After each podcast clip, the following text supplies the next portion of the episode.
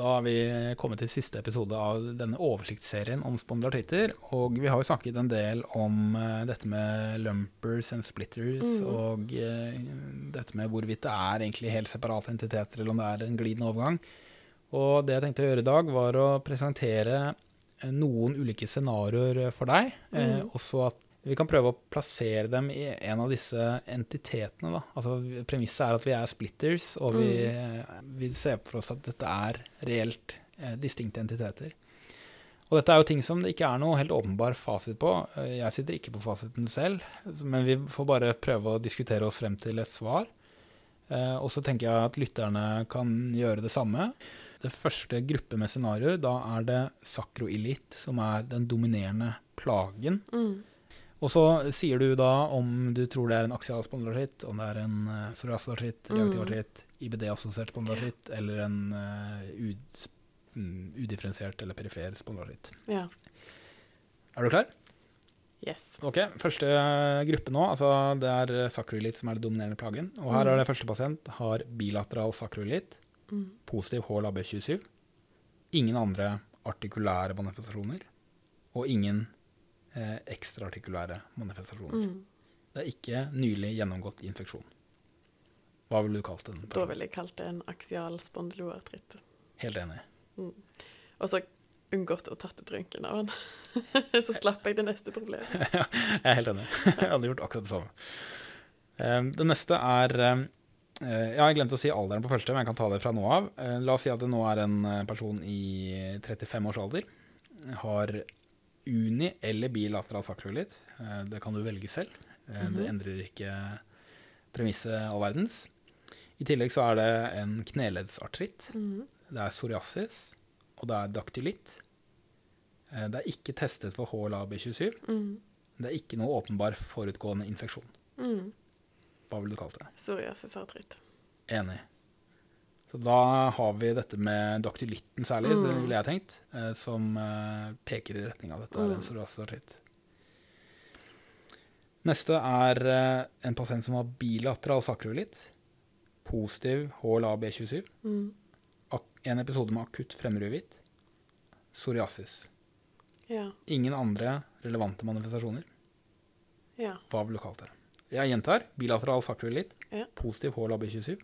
Akutt fremmeruhvitt og psoriasis. Jeg ville tippet på en aksial spondyloartritt. Jeg ville sagt det samme. Ja. Eh, og eh, Og sett nøye på fingre, negler og sånt. Mm. For her kommer det skillet der inn, mm. ikke sant? Den studien som Gunstein Bakkland refererte til, hvor eh, ja. disse med mm. psoriasisartritt og isolert aksialaffeksjon hadde hyppigere neglesoriasis. Men jeg, jeg tror eh, jeg er enig med deg at jeg ville endt opp med egentlig aksialspondylartritt mm. nesten uavhengig av neglefunn i denne mm. situasjonen her, gitt at det ikke er noe perifere manifestasjoner. Mm. Eh, eller perifere artikulære manifestasjoner. Mm. Ok, eh, Neste scenario. Vi kan egentlig si at alle disse personene er i 30-årene. Okay. For å gjøre det litt Neste er en person med bilateral sakroilitt, polyartritt med dipletsaffeksjon, mm.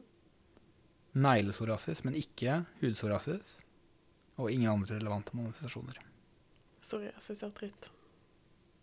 Og eh, jeg er helt enig med deg. Hva, hva, er, hva er trumfkortet, syns du? Eh, mye greier. Nei, unnskyld. Nei. Tror, da tror jeg nesten du må lese det på nytt. Ja. Nesten som det er en sånn multiple choice. Og så er det, måte, det er så innlysende nesten at du bare velger den. Må, da må du ta det på ny for å ta eh, diskusjonen. Eh, bilateral sakroilitt. Ja. Polyartritt med diplesaffeksjon. Det er den. Ja. Mm. Enig.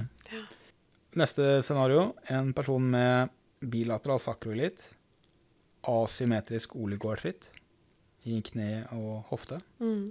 konjunktivitt, uretritt. Det høres veldig reaktivt ut.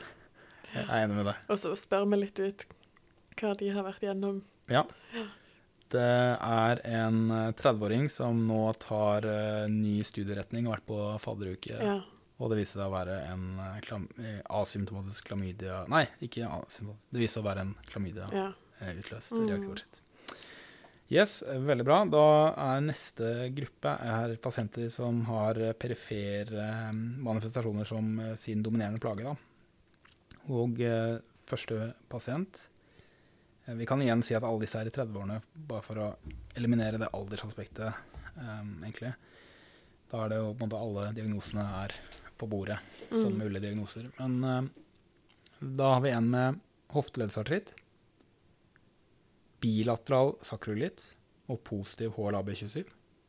Ikke psoriasis, ikke IBD, ikke nylig infeksjon. Men det er hofteleddsartritten som er det som plager denne personen mest. Mm. Jeg tror du må si det om igjen. Hofteleddsartritt, ja. bilateral sakroilitt, Ja. Positiv HLA-B27. Mm. Ikke psoriasis, ikke IBD, ikke Mm. nylig infeksjon. Aksial spondyloartritt. Jeg er enig med deg. Helt enig. Selv om eh, hoften var det han kom med, Ja. eh, så er det nok eh, ofte litt vanskelig å skille Mm. disse hofteplagene. Er det egentlig gluteale Ja. plager fra i sakroilitt, eh, eller er det ren eh, bare hofterelatert? Men Mm. all den tid det er bilateral sakroilitt og HLA-B27 og ikke noe andre ting, så ville jeg også Mm. endt opp med aksial spondylartritt. Eh, og også det faktum at hofteleddsartritt er vanlig ved den Mm. sykdommen. Mm. Ok, Neste er en asymmetrisk oligartritt med psoriasis og daktylitt. Ingen nylig infeksjon. Mm. Ikke noen andre relevante manifestasjoner. Ikke testet for HLA-B27. Mm. Så det er asymmetrisk oligoartritt med psoriasis og daktylitt. Hvis du ikke, måte ikke har noe mer info, så vil jeg putte det i psoriasisartrittboksen. Enig med deg. Igjen føler jeg at dette med daktylitt Ja. eh, peker i den retningen. Eh, samtidig jeg at eh, personen har psoriasis. Og, Mm. og asymmetrisk oligoartritt var jo av i den studien til eh, Tor Magne Madland, så var det jo 20% som hadde Mm. den artritt, eh, det artrittmønsteret. Mm. Neste eh, er en person som har en asymmetrisk oligoartritt pluss nylig gjennomgått klamydia-uretritt. Mm. Eh, ikke noen andre manifestasjoner. Nei. Det høres jo reaktivt ut, men en må jo tenke på en måte litt bredere kanskje når en har pasienten foran seg. Men hvis en skal velge mellom de Mm. gruppene som har vært gjennom, så blir det jo den. Helt enig. Ja. Og helt enig med eh, rasjonale og eh, tilleggsbetraktningene. Mm.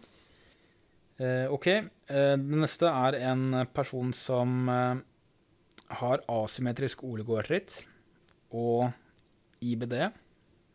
Ikke psoriasis, ikke nylig gjennomgått infeksjon. Mm. Um, HLA-B27 ikke testet for, ikke noen andre relevante manifestasjoner. Mm. IBD-assosiert artritt. Helt enig. Neste er en pasient med symmetrisk polartritt med diplesaffeksjon og psoriasis. Psoriasis-artritt. Ja, helt riktig. Eller ja, jeg er helt enig. Jeg tror, den tror jeg er ganske ukontroversiell. Så jeg tror vi kan velge å si helt riktig. Ja. Um, selv om um, Ja, det tror jeg vel alle vil være enige om. Tredje tabell er en person som har eh, IBD. Det er premisset. Mm. Og så har det utviklet seg leddplager. Mm. Så første scenario er eh, den personen med IBD, bilateral sakroilitt og positiv HLA-B27. Mm. Det kan jo godt være en aksial spondyloartritt, Mm. men det må ikke være det.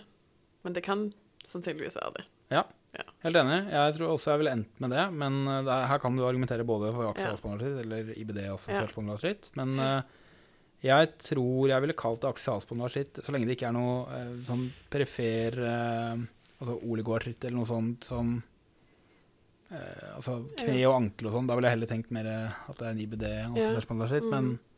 men her tror jeg det vil være litt delte meninger. Men jeg, jeg er enig med deg at jeg ville tenkt aksialspondylartritt. Neste er IBD, bilateral sakroilitt og asymmetrisk perifer oligoartritt, kne og ankel, og positiv HLA-B27. Ja. Da sa du jo egentlig svaret. hadde, hadde glemt hva neste case var. Jeg går for IBD-assosiert artritt. Ja, jeg hadde gjort det samme, samme rasjonale som jeg sa, men, men eh, altså Igjen, det går an å argumentere Ja. for at det er en aksial spondylartritt. Altså. Ja. Uh, absolutt. Eh, Så der tror jeg at er, disse er blant de som det kanskje ikke er noe helt sikker eh, Mm. enighet uh, om. Da. Neste er en pasient med IBD som har perifer polartritt, eh, daktylitt og psoriasis. Mm. Det er ikke dippleddsaffeksjon, men det er, eh, det er småleddsartritt i Ja. hender og føtter. Jeg tror faktisk jeg ville gått for psoriasis-artritt og IBD. Ja, Jeg er helt enig. Så det med, med daktylitt, som er uvanlig Mm. ved IBD-assosiert eh, spondylartritt, eh, Mm. og i tillegg eh, perifer polartritt, som også på en måte peker litt mer i retning av psoriasisartritt, så ville jeg også endt med den konklusjonen. Mm. Neste scenario er en person med psoriasis som har Mm. utviklet leddplager. Mm. Og den er òg i 30-årene. Ja En person med psoriasis, bilateral sakroilitt, ensidig hofteleddsartritt, positiv HLA-B27. Aksial spondylartritt. Ja, enig. Men igjen, uh, her er det helt sikkert delte meninger, men Ja. jeg ville kalt det det. Ja.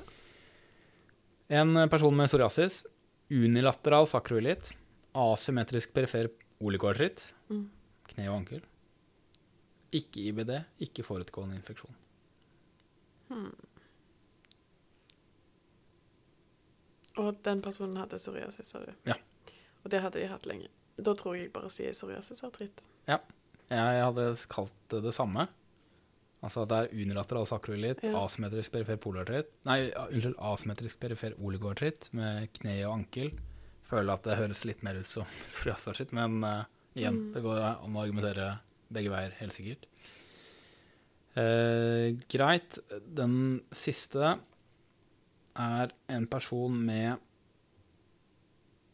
uh, psoriasisartritt. Nei Eh, det, er en, det er en pasient med psoriasis. Ja. Bilateral sakroilitt. Ja. Perifer poliartritt uten dippelsaffeksjon. ja. Og noe annet? Ingenting annet. Si det en gang til. Psoriasis. Ja. Bilateral sakroilitt. Ja. Perifer poliartritt uten dipløsaffeksjon. Psoriasis-artritt. Enig. Ja. Den uh, perifere polartritten den føler jeg peker i den retningen. Når de har psoriasis Ja. fra før. Det var alle casene. Jeg føler jo at uh, det viser uh, igjen litt uh, noen av de situasjonene hvor det ikke er helt åpenbart at det er det ene eller andre. Mm. Og det er jo også en haug med andre eksempler på gråsoner Mm. hvor det er vanskelig å plassere dem helt sikkert i en av de Mm. entitetene. Um, og det kan jo veldig godt være at noen som hører på, er uenig i Ja. de konklusjonene vi kom eh, fram til. Men eh, sånn er jo denne spondylartrittverden. Ja. Men nå har vi jo snakket eh, veldig lenge om spondylartritt, så jeg vil bare si tusen hjertelig takk for at du stilte opp. Takk for meg. Det var veldig kjekt å bli oppdatert. Ja, så bra. Mhm. Og eh, du er hjertelig velkommen til eh, seks nye episoder om et annet tema ved en fremtidig anledning. Ja, takk for det. Ok, ha det godt. Mm, Ha det bra.